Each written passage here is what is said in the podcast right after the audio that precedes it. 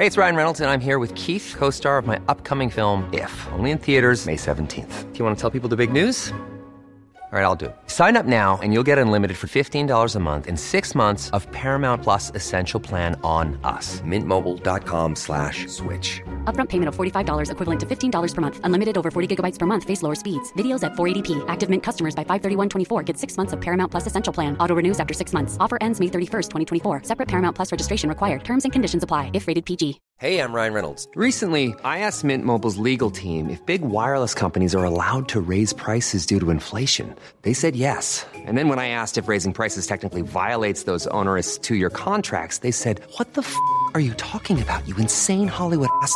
So to recap, we're cutting the price of Mint Unlimited from $30 a month to just $15 a month. Give it a try at mintmobile.com slash switch. $45 upfront for three months plus taxes and fees. Promo rate for new customers for limited time. Unlimited more than 40 gigabytes per month. Slows. Full terms at mintmobile.com.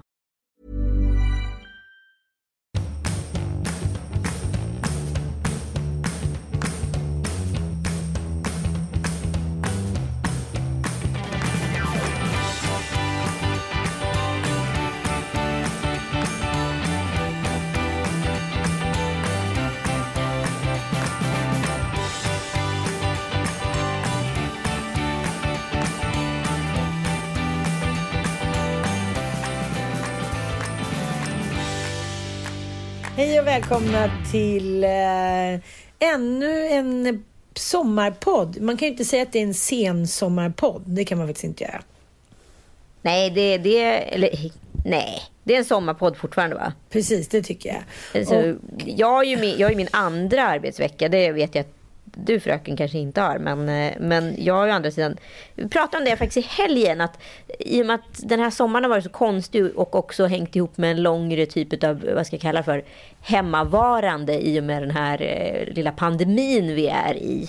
Eh, så har ju jag i alla fall upplevt, eftersom man hela tiden har tillgång till jobbmailen och kollar liksom, och jag har jobbat ganska mycket den här sommaren. Liksom. Då har det bara känts som att sommaren har varit liksom någon form av lång weekend då och då. typ på en kompis land.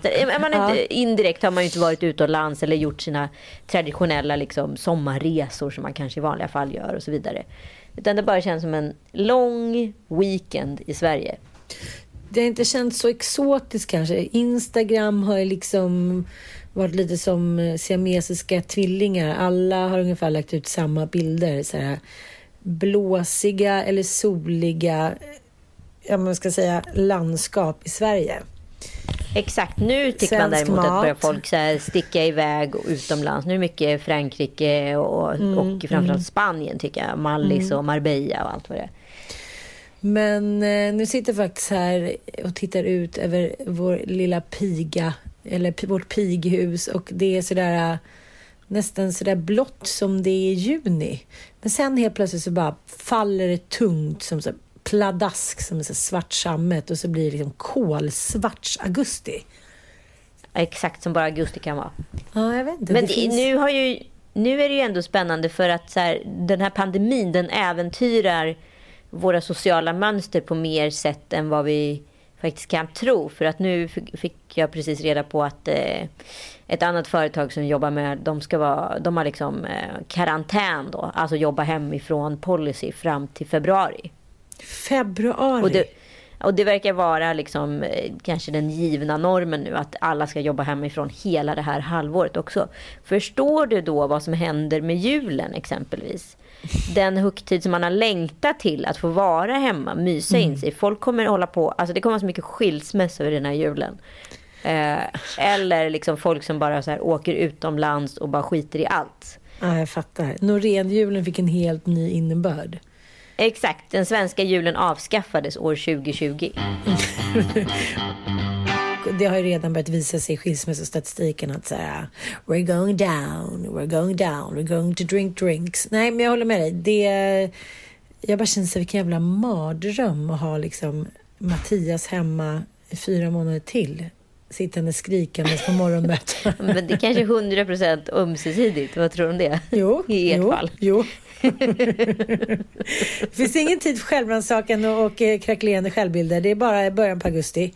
Eh, det, Nej, det är ganska intressant ändå hur just min karlslop då eh, senaste veckan har då transformerats framför mig från en lite så här, ja men degig och liksom ganska avslappnad eh, Gotlands daddy till en liksom hårt arbetande handyman som nu måste åka iväg och köpa Hellosan-salva för att han har så här stora sår i händerna. Oj, manligt. Blir du, hur känns det nu då? Du som har längtat efter en handyman där i, i smyg. Man säger I då. smyg. Ja, men jag Emellan liksom, raderna. Ja, men jag har ju liksom förbannat att jag under så många år eh, inte haft en man som, eller haft män som haft tummen mitt i handen. Alla har inte haft Det har men- ju jag också alltid haft. I princip, Ja, men jag har inte alltid första. haft det. Det har jag inte. Men, men de två sista här har väl inte visat på några större... Ja, men mycket. Sätter upp en hylla, hyllan faller ner. Och egentligen har jag liksom ingenting att säga för att jag vill ju bara handla och så snabbt måla en vägg. Jag vill, jag vill heller inte borra eller liksom göra de där tråkiga grejerna. Nej, Du vill bara vara framme vid målet innan du har liksom gått, eh, alltså gjort resan så att säga. Ja, vägen till målet finns. Det, det tycker inte jag är någon rolig väg. Inte när det gäller inredning. Men så är du också. Du vill ju bara pang bom så är det klart. Du njuter ju Absolut inte av att stå... inte. Ursäkta? Men jag njuter väl inte. Men däremot så kan jag, förstår jag att det måste utföras någon form av arbete. Du säger till att göra det. Du vill ju inte ens utföra ett arbete. Eller? Du vill ju bara att det ska vara klart. Ja. Du har ju redan, så här, du har ju redan köpt möblerna innan ens rummet finns. du Innan är på huset den är nivån. ritat. kanske lite så. Kanske lite så. Kanske lite så. Men det är så roligt, för du kommer ihåg när vi var på den där middagen för några månader sedan så var det en kompis då som berättade att hon hamnade i klimakteriet och inte liksom insåg det själv förrän flera år senare. Och så här, dumpade Ja. sin man som hon på pappret ändå var ganska kär. De hade skitbra liksom. Hon ville bara ut och ligga med unga killar och nej, men liksom, hon var tvungen att vända på allt. Och jag tänker att, mannen har en liten miniklimakterieperiod i slutet av varje semester när han känner så här Have I done enough for the house? De börjar känna så här, nu, nu han är, Mattias har ihop den här ekvationen. Alltså han har alltså en husklimakteriefas. Ja. Eller vadå? Jag förstår ingenting. Nej, men han får det var ångest. metaforer vi minns med Ja. Ann Söderlund. Kan vi få en liten egen vignett på det?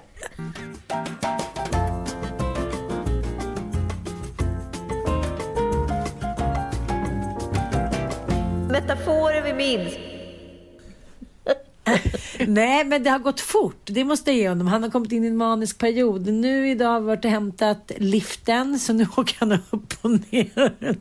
Så jag, jag satt här förut, typ, eh, uppe i sovrummet, så ser man någon så här... Då är det Bobo och Mattias som kommer i sån här lift. Du vet, vi har liksom kastats in helt i världen. Han målar om huset enligt liksom gammal kalktradition. Han har grävt upp liksom varenda land, tagit bort rötter. Jag fattar inte ens hur det här har gått till. Jag har bara tittat storögt på. Du får, alltså, du får bara vara glad så länge han är inne i sina maniska skov. Så kan du liksom, eh, ja, sen kan du ta hand om det där deprimerade paketet lite senare. Ja, men du vet ju hur mycket vi har pratat om det här med handymans och hur man går, går igång på det. Och han sa ju mycket riktigt igår så här, nu går du igång va? Nu, nu, nu tycker jag att jag är liksom härlig och sådär. Och så tittar jag på honom, där gamla badbrallor, en motorsåg i handen och en sån visir. Nej, jag, jag vet inte. Jag känner mig lite blåst på Det var inte konfekten. grovsnickaren du ville ha. Nej. Du ville ha den där han som glider runt lite skönt med lite snickarbrallor hemma och kanske Precis. en bara överkropp. Ja, ja. Och, Och ser som- lite ut som Mark Ruffalo och, och liksom Ja, och som gör små grejer Kanske egentligen inte är så himla bra på sitt hantverk men kanske har med sig lite bullar, sätter på en kaffe. Du vill ha en vaktmästare. Ja, det kanske är så. Vaktmästardrömmen. Men det roliga som hände när vi skulle hämta den här liften så skulle jag med som någon form av moral support. Och då satt jag surt i bilen och höll på med olika grejer med telefonen. Och så hör jag då bakom där de håller på med liftar och Mattias får instruktioner och han ska kunna köra hem den där. Och jag tänker att det är en gammal gubbe som bor i den här eh, liksom, ja, Gotlandsgården. Men sen så helt plötsligt så dyker de upp bredvid mig för då ska de hämta någonting i lastbilen och då helt plötsligt står en sån där perfekt 30 something handyman med brunt hår, brunbränd och liksom blåa snickarbrallor. Då, då var det som att det sköljde över lite på Mattias också. Så när vi kom hem så tyckte jag plötsligt att ja, han, han, var ganska, han var ganska het när han åkte på den där liften. Ja, vi har ju också fått in tusen nya följare på vårt lille, lille lördag-konto ja. på grund av en viss typ av knöl. Det är knölen som har räddat oss. Det är knölen som har räddat oss. Det är knölen som har räddat oss. Vad knölen. hände? Ja, ja, då han röntgar alltså den här knölen då med ultraljud. Så han ser att, liksom, jag ser också bilden så jag ser att det är en svartfylld stor boll och så mäter han den. Precis som du vet som när man går till eh, på ultraljud och kollar bebisen liksom. Uh -uh. Ja, och, eh, och eh, han bara, ja det är ju uppenbarligen en cysta det här och vi måste då kolla innehållet på den här cystan så vi kommer ju tömma den nu. Och jag bara, ah, okej, okay, då får vi väl göra det. Får jag bedövning? Nej, nej, absolut inte. Det här går jättefort. Okej, okay. och sen stoppar de liksom in en nål rakt i halsen. Jag får alltså inte ens ett plåster efteråt. Så smal var nålen. Mm. Eh, och liksom tar ut vätskan från den här cystan. Han sa så här, most likely så här, absolut ingenting. Det är massa vävnad och, eh, och liksom, eh, olika ämnen i det här med blod etc. Nu ska vi skicka det på labbanalys i två veckor så får du svar om ett tag. Så jag vet ju fortfarande inte vad det är, men han sa ju att det är en godartad liksom, cysta, ingen, inga konstigheter i princip. Men han kan ju inte säga 100% vad det är. Sen får ju jag tillbaka analyssvaret av det och han sa att det kan absolut vara sköldkörtelproblem som inte ger eh, utslag på blod, blodutredningen. Så det är mycket möjligt att det har varit någonting med min sköldkörtel utan att det K har sett ut så. Kanske därför du går upp och ner i vikt så himla mycket? Kan vara så. Kan vara, ja. så, kan vara så. Men det är inte förklaringen som Camilla Läckberg skyller på. Är det så? Hon skyller inte på det. Hon, hon, hon skyller ju... inte på någonting. Nej, jag, jag vet inte. Jag blir liksom... Eh, jag känner liksom lite medlidande med henne. För att hon har ju fått mycket kritik för att hon bara lagt ut gamla bilder på sig själv den här sommaren. Ja. Och till slut så la hon ju upp ett långt inlägg där hon sa att, eh, hon har lagt in, upp flera sådana inlägg, att hon eh, liksom mår sämre eh, än vad hon trodde. Alltså så här, att hon har svårt att erkänna då som självständig stark kvinna att det påverkar henne så mycket att hon har gått upp då 15 kilo i vikt, att hon inte vill lägga ut bilder på sig själv. Ja, okej, okay, jag fattar. Mm. Och, så det spelar alltså ingen roll vad pengar gör om man ändå inte känner sig snygg? Kan Precis. man konstatera då. Ja, men hon har också sagt att hon kanske borde döpa dem till Gudrun, Bettan och Ragnhild. Så att, eh, för att för något sätt förlika sig med kroppsångesten och typ skapa humor av dem. Men liksom, sen återkommer någon vecka, ett par veckor senare och hon verkar verkligen tampas med att hon inte kan acceptera det. Liksom, att hon, hon kan inte acceptera sin viktuppgång. Hon kan inte förstå hur detta har hänt, känns det som. Hon som var så vältränad och var ihop med när, eller gift med Simon och de var så lyckade hit och dit. Och sen så har hon haft ett jobbigt år och då har hon liksom, ja men som vi alla gör när det liksom är för mycket på alla plan, att man råkar stoppa i sig det ena och det andra liksom. Hon verkar väldigt hård liksom mot sig själv, men eh, kan ändå inte på något sätt eh, intellektuellt se den stora helhetsbilden. Förstår du vad jag menar? hon har liksom ja, fastnat i en svacka. Ja, absolut. Mm. Absolut. Men, eh, och det där är ju liksom... Det är intressant, för både du och jag har väl eh, har väl minst sagt, jag har inte läst boken än, men läst allt runt omkring boken.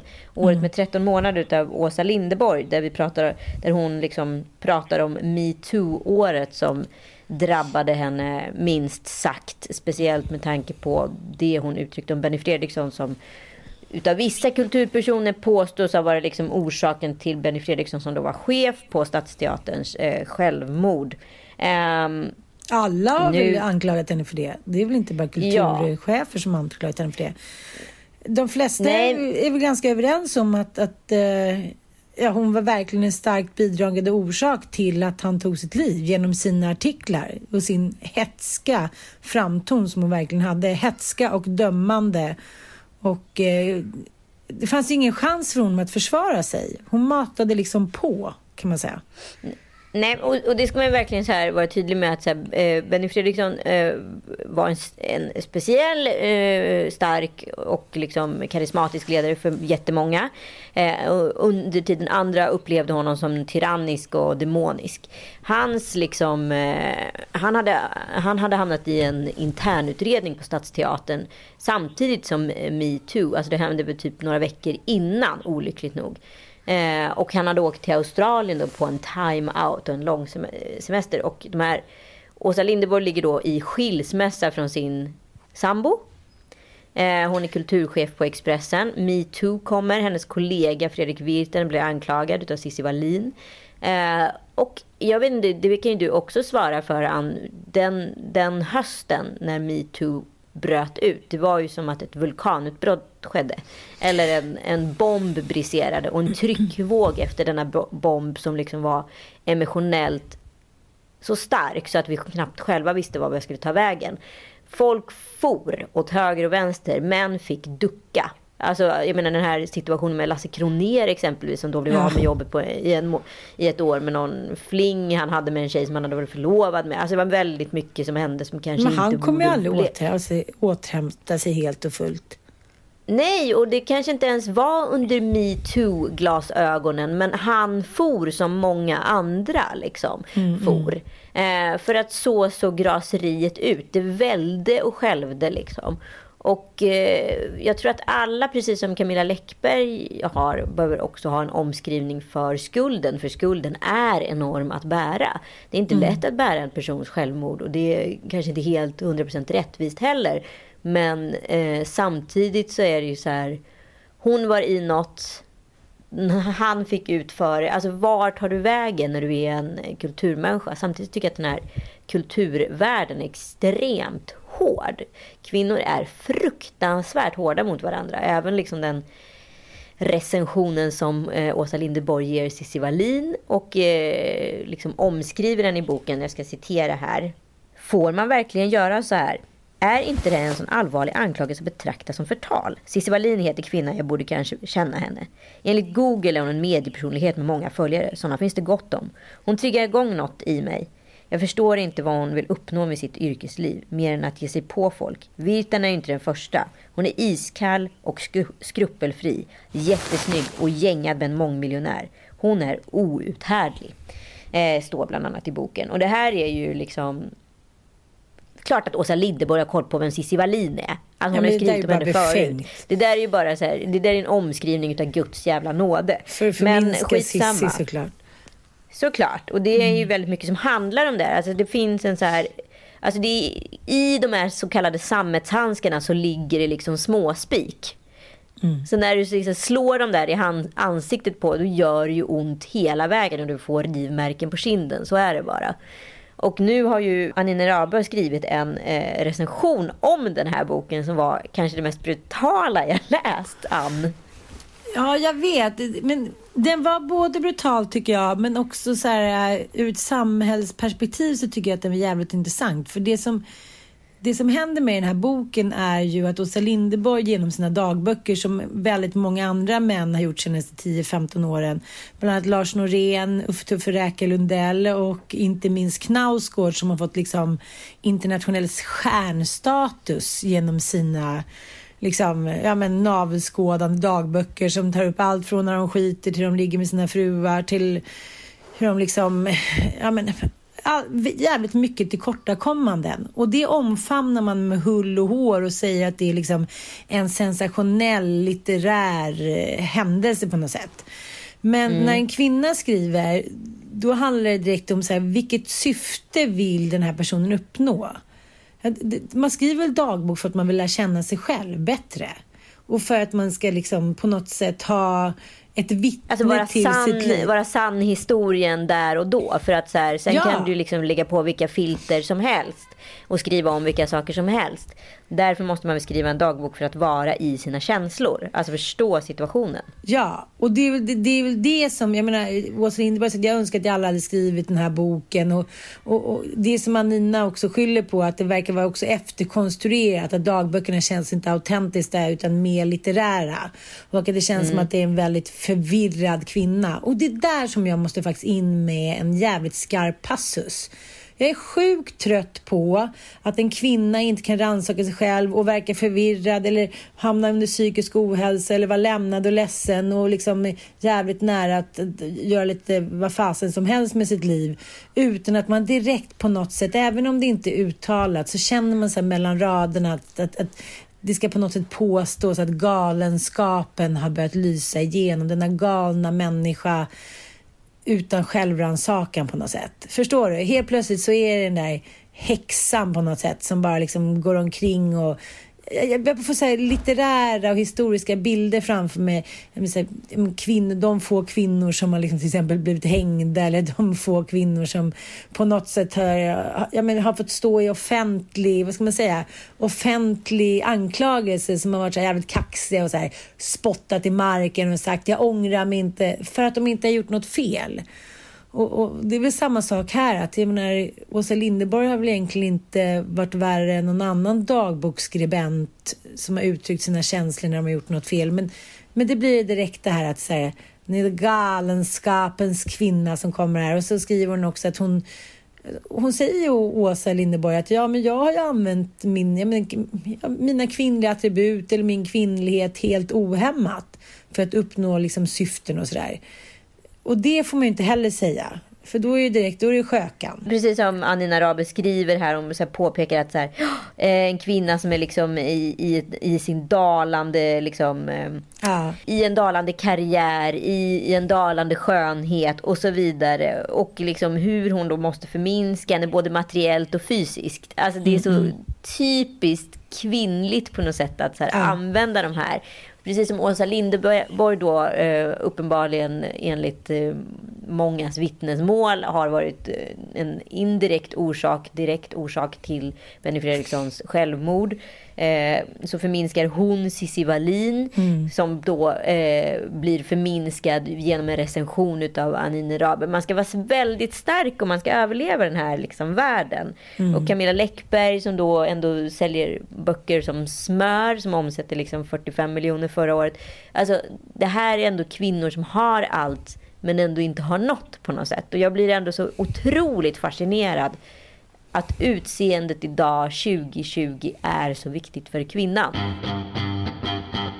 Jag har också haft så här, manliga kollegor inom liksom, kvällstidningsbranschen där yttre snack, ja men du vet, Åsa Linderborg, man ser på henne liksom, hon gillar att knulla. Hon gillar att knulla. Vet, man bara, det måste alltid finnas någon orsak till att någon som varit fri och stark hamnar på dekis. Och då är man ändå liksom inne, då, då är det helt plötsligt madonnan borta och då är bara på något sätt horan kvar. Förstår du lite vad jag menar? Ja, ja men precis. Och då måste man ju direkt eh, direkt dit och, och pinka. Men jag tycker också att det är väldigt intressant. Jag började faktiskt tänka på eh, på hur man faller och hur man dömer. Och jag tänker också under det här metoo-året så känner jag så här det, det, var bara flyt att man överlevde, att man hade kvar sitt jobb, att man inte hamnade ute i kylan. För att liksom, om någon fick för sig att så här, hårt och skoningslöst ge sig efter en, i och för sig lite som Cissi Wallin gjorde mot oss, men sen så tacklade hon av på något sätt och vi hamnade på någon status quo. Men när man hamnade in Jo, men liksom det var ju också ett hårdfört samtal där mm, liksom mm. egentligen det handlade om en så här en förhandling per ja. definition. ja, eh, om om så här, veto och rätt och, eh, och också egentligen så här. Ja, det här mindes jag i minnesbanken. Stämmer mm. det eller inte? Under tiden ord mot ord stod där och var så här nej eller ja och vi vet inte. Och det är ju egentligen nej eller ja och vi vet inte som är väldigt mycket metoo. Idag mm. i efterdyningen av metoo så kanske det var många saker som var ja då som kanske var ett kanske eller jag vet inte lite senare. Men det var inte aktuellt just där och då. Hur som helst, hårdför värld. Och mycket liksom kopplat till kvinnlig list och kvinnlig skönhet. Och den som har, har mest på fötterna i båda sammanhangen vinner tydligen. Jo, men då tänker jag så här, om man inte är kaxig, om man kanske hamnar lite mer i, så här, vad ska man säga, eh, tjejtidningsfalangen, att man inte utgör något hot. Jag tänker till exempel på Martina Haag. Mm. Om man tar, hon, hon blev ju känd genom att hon började skriva krönikor i tidningen Mama. Just det. Om livet. Men hon blev väl känd långt innan och skrivit många så här sunda pigga upp mig-böcker och eh, fem tips på hej och hå eller vad fan det nu har varit. Hon har ju varit liksom en, en så här, en så här, en, vad ska man säga, Pippi Långstrump deluxe. Ja, och så gift då med liksom Erik Haag som är en myspyskille. De var liksom, eh, ja, vad ska man säga, dagens svar på så här, Tjorven på Saltkråkan. liksom, ja, men de utgjorde inget hot som par. De var liksom ett maktkappel på ett sätt, men de framställde sig själva Självklara näst... kandidater i, i vad heter det, På spåret och liksom likeable som fan. Eh, eh, 100% friktionsfria. Jo, men om man till exempel ska jämföra med så här, Christian Lok och Karina Berg som gärna vill liksom framställa sig som ännu coolare och smartare och mer intellektuella och von oben än vad de var så gjorde ju faktiskt Martina Haag och eh, ja, men, liksom, paret Haag gjorde precis tvärtom.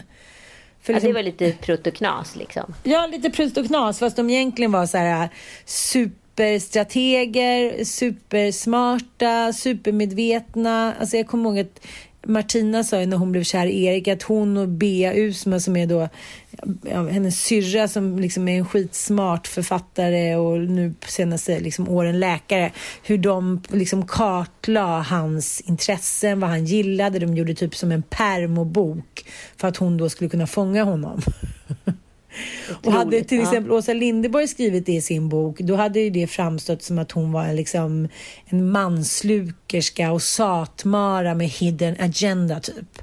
Så att allting handlar ju om framtoning. För det tänker jag också sen när Martina då blev bedragen i offentligheten. Och hon skrev boken Det är något som inte stämmer. Ja, och som den är liksom boken handlar ju om Erik Haag och Lotta Lundgren. Ja, och det är ju en fantastisk liksom, eh, skildring av det nattsvarta i att bli lämnad och det finns ingen väg tillbaka. Man har förlorat. Det, det, mm. liksom, det finns ingen väg ut. Man försöker leva. Hon skriver jävligt träffande så här, att hon, hon lever en kvart i taget. Liksom. Det är en jävligt tung läsning tycker jag. Man sitter och håller andan och har så mycket ångest och tänker så här, okej, okay, jag, jag, klarar inte, jag kommer aldrig klara av att bli lämnad på det sättet och det gör man ju nästan inte liksom. Nej, man tror ju inte att man ska överleva en sekund. Nej. Så när hon då, då gör en roundkick på en gravid eh, bartender eh, några år senare, då är det liksom ingen som riktigt bryr sig. För hon har ju redan legat. Hon har ju ja. varit en kackerlacka som någon har trampat på 13 000 gånger i det här laget. Och Precis. också utav två högdjur som då mm. eh, Erik Hag och Lotta Lundgren har blivit med eh, deras succéserie eh, Historieätarna på SVT. Men det var också Gud det... det känns som en svunnen tid fast det typ är tre år sedan. Ja, helt sjukt. Men också det att det var så skamlöst. Att de var julvärdar och att liksom alla spelade med på deras lag på något sätt. När man tänker på det efteråt ja. så är det egentligen Snacka om att sparka på någon som redan ligger, alltså Martina. Fan, det var ju snack om att Lotta Lundgren skulle skriva en hämndbok på Martina, Martina Haag, men det hände aldrig. Eller den blev aldrig utgiven, eller de kanske ångrar sig. Det är de för fina för, det är de. Ja, det är intressant det där vem som faller och när. Det är som vanligt, mm. ett, liksom, livet är en jävla roulettespel. Man vet aldrig vad, vad nästa ryska bullet ska komma. Det är liksom lite som rysk roulette. Apropå ryska rouletter så måste jag ju varmt rekommendera Putin-dokumentären på mm, SVT som nu har alla tre delarna har släppts. Såg sista delen igår och eh, jag, jag är faktiskt, jag, jag, så här, jag älskar ju, ja jag är faktiskt helt golvad hur sjukt det är i Ryssland. Och hur mm. sjuk i huvudet Putin är.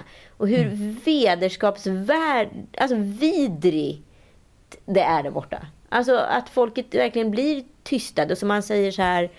En fiende är en fiende i princip. Den har man koll på. Den vet man är emot den. Det är en helt annan sak med någon som eh, förrår en. Det är då man liksom går till attack. Så alla som är liksom Putin-motståndare, de dör ju åt höger och vänster som flugor. Liksom. Mm. Och de bara tystas och tystas och tystas. Och ryssarna lider och eh, makten liksom stramas åt hela tiden. Och nu har han ju gjort sig själv då eh, till president till 2032. Så vi får väl se hur länge han sitter då. Och, vilket jag inte visste om med Putin. Han har ju varit ihop med samma, samma fru hur länge som helst. Sen för några år sedan så skilde han sig och blev ihop med någon, någon gymnast. från det ryska landslaget. Och nu har han två tvillingar med henne. Och att han är en glad anhängare utav botox kommer också fram i dokumentären. Då. Ja, det Men var därav mycket- ser han så frisk och svullen ut och liksom lite så här härlig och fylld på ett sätt som han inte har gjort tidigare. Han är ganska liksom smalt, liksom lite gnagarutseende Ah, ah, ah. sådär. Men, men nu är han ju, ser han ju mustig och rysk ut på något Aha. glatt, gubbigt sätt. Aha, men gud vad spännande. Men det tycker Och det är jag så faktiskt... intressant med män och utseende. För vi tror ju hela tiden att så här, det kvinnliga utseendet hela tiden är det som är liksom... Ja, men man förstår ju varför Camilla Läckberg har ångest för att så här, folk lägger upp bilder på sig själv i bikini och perfekta, tränade, tajta kroppar hela tiden. Eh, och så... Och så helt plötsligt så pratade jag faktiskt med ett par killar här för ett tag sedan. Bland annat min partner Joel var med i det här samtalet. Om att så här, var en av killarna i sällskapet som var så här. Jag, jag kan absolut inte förstå att den här killen, pratar om en tredje kille, kan lägga upp en sån här bild på sig själv. Man såg lite bilringar och liksom lite bitch tits och allt vad det var. Eh, jag skulle aldrig våga stå för min kropp på det här sättet. Och varav liksom min sambo också sa, jag har skitmycket ångest för att lägga upp bilder på mig. Min sambo är ändå vältränad, förstår ni? Eh, liksom. Men att så här, vi har hela tiden förutsatt att det är kvinnor som tycker det är jobbigt att se andra kvinnor då i bikini och vältränade kroppar. Men det är tydligen lika nu utbrett bland männen. Det är inte alls, de killarna man ser har ju oftast ganska bra kroppar. Och så att jag tänker inte så mycket på manliga kroppar liksom. Eh, överhuvudtaget. Men bland männen så är det enda de kollar på är typ så här hårtäthet på huvudet och eh, liksom magrutor. Jag kan känna sig som att jag har liksom haft baddräkt när jag varit på stranden. Jag har inte tyckt att det varit så kul att gå omkring i bikini. Dels för att jag är inte är vältränad och sen så har jag liksom lite problem med tarmar som har lagt sig lite ovanpå sen Fralle kom. Jag känner mig liksom inte helt harmonisk, men jag, jag, liksom, jag gör ingen grej av det. Det är inte heller att jag kanske går omkring så här, vandrar omkring på stranden i minikini-bikini. Men, men det som jag tycker alla verkar så jävla bra på, det är att de har koll liksom på vad som behövs för dem, för att de ska må bra, för att de, deras kropp ska må bra. Alltså vad de ska äta, hur mycket de kan äta. Liksom alla verkar ha sån jävla koll på intag och uttag och eh, hydra, kolhydrater. Jag, jag skulle faktiskt bli, vilja bli lite bättre på, förstår du vad jag menar? En Ja, helhetskoll absolut. på min mathållning, kan man säga så? Absolut, och jag tycker det, är så här, det är så svårt. Alltså, så här, mat tycker jag också är som en jävla dimmer. Alltså ena sekunden, så här, när det är vanliga veckor, alltså bortsett från en pandemi. Liksom.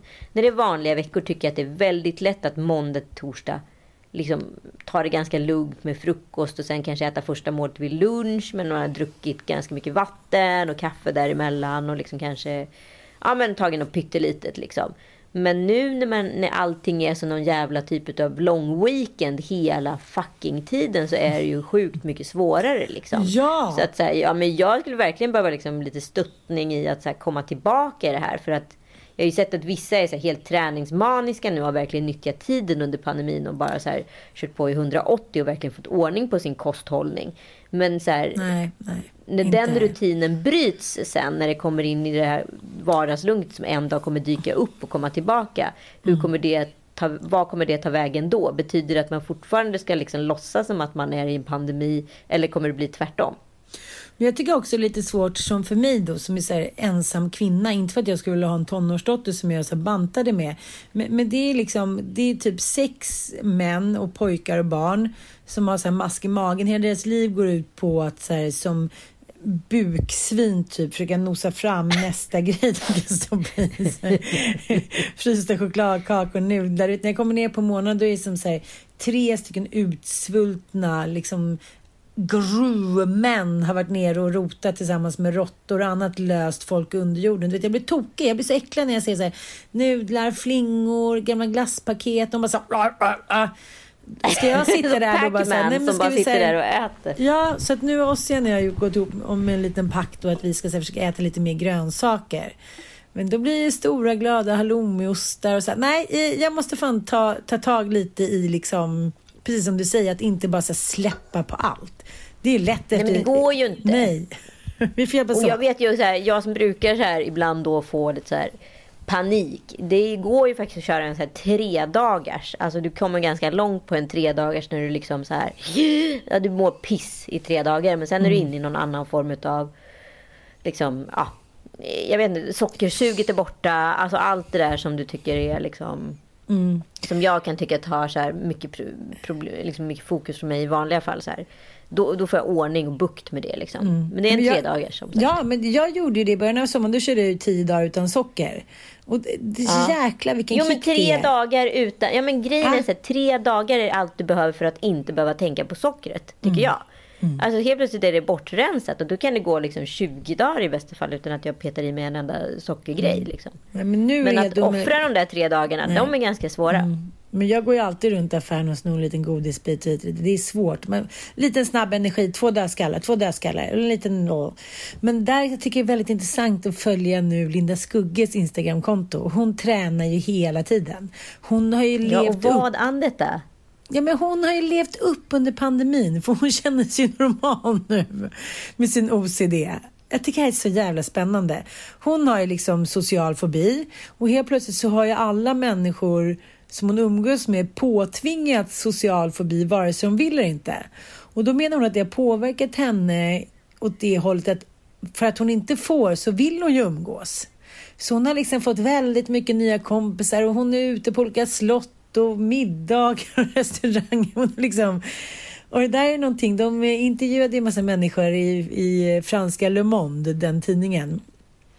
Och ja. att det är så väldigt många som också har mått så jävla mycket bättre. De har även gjort en superstor grej i, Tyskland. Alltså innan så svarade kanske 65 procent på den så dagliga frågan i deras DN, typ deras Spiegel.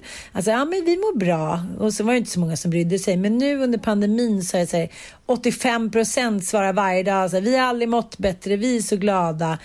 Och, och förklaringen är ändå som, som många skriver att, att ja men någon sa så här, men jag var bjuden på sex bröllop som jag slapp gå på, sa en fransman. Och någon annan kvinna sa, men nu inser jag att jag måste ta tag i mina relationer. Jag har ringt upp dem som jag liksom haft lite otalt med. Och att många känner sig befriade.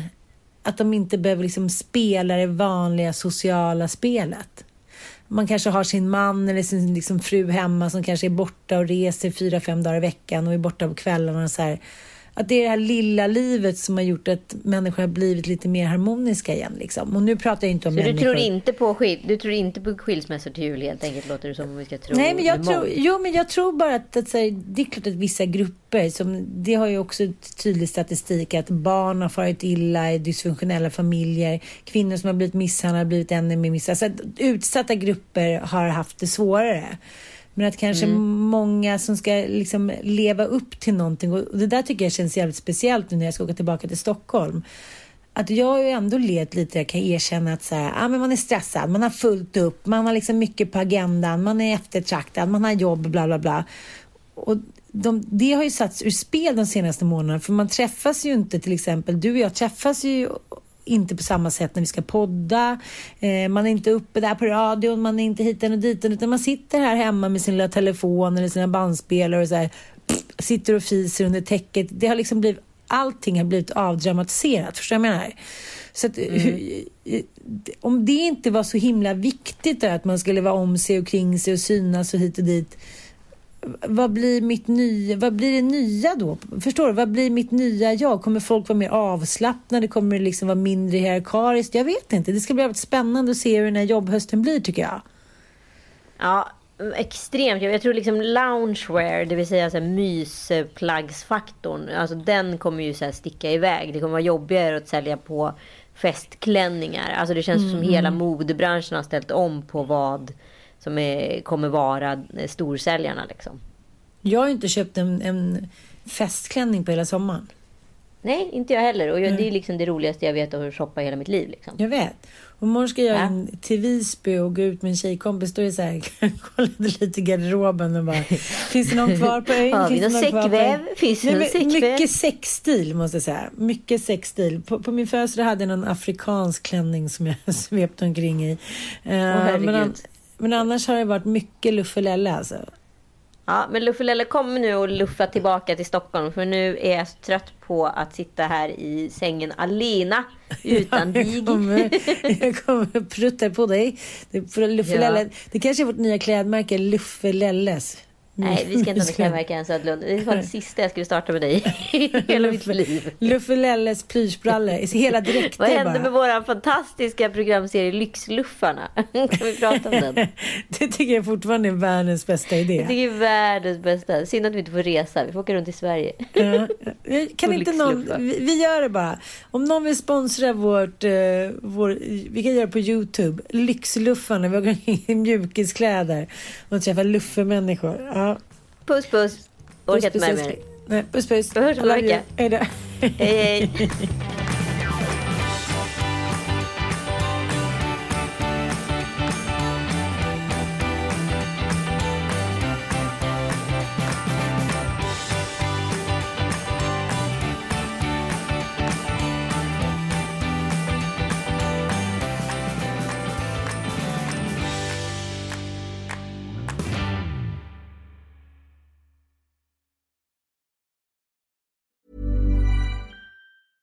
Even when we're on a budget, we still deserve nice things. Quince is a place to scoop up stunning high-end goods for 50 to 80% less than similar brands. They have buttery soft cashmere sweaters starting at $50, luxurious Italian leather bags, and so much more. Plus, Quince only works with factories that use safe, ethical, and responsible manufacturing. Get the high-end goods you'll love without the high price tag with Quince. Go to quince.com slash style for free shipping and 365-day returns. Imagine the softest sheets you've ever felt. Now imagine them getting even softer over time. That's what you'll feel with Bowl and Branch's organic cotton sheets. In a recent customer survey, 96% replied that Bowl and Branch sheets get softer with every wash. Start getting your best night's sleep in these sheets that get softer and softer for years to come. Try their sheets with a 30-night guarantee. Plus, get 15% off your first order at bowlandbranch.com. Code BUTTERY. Exclusions apply. See site for details.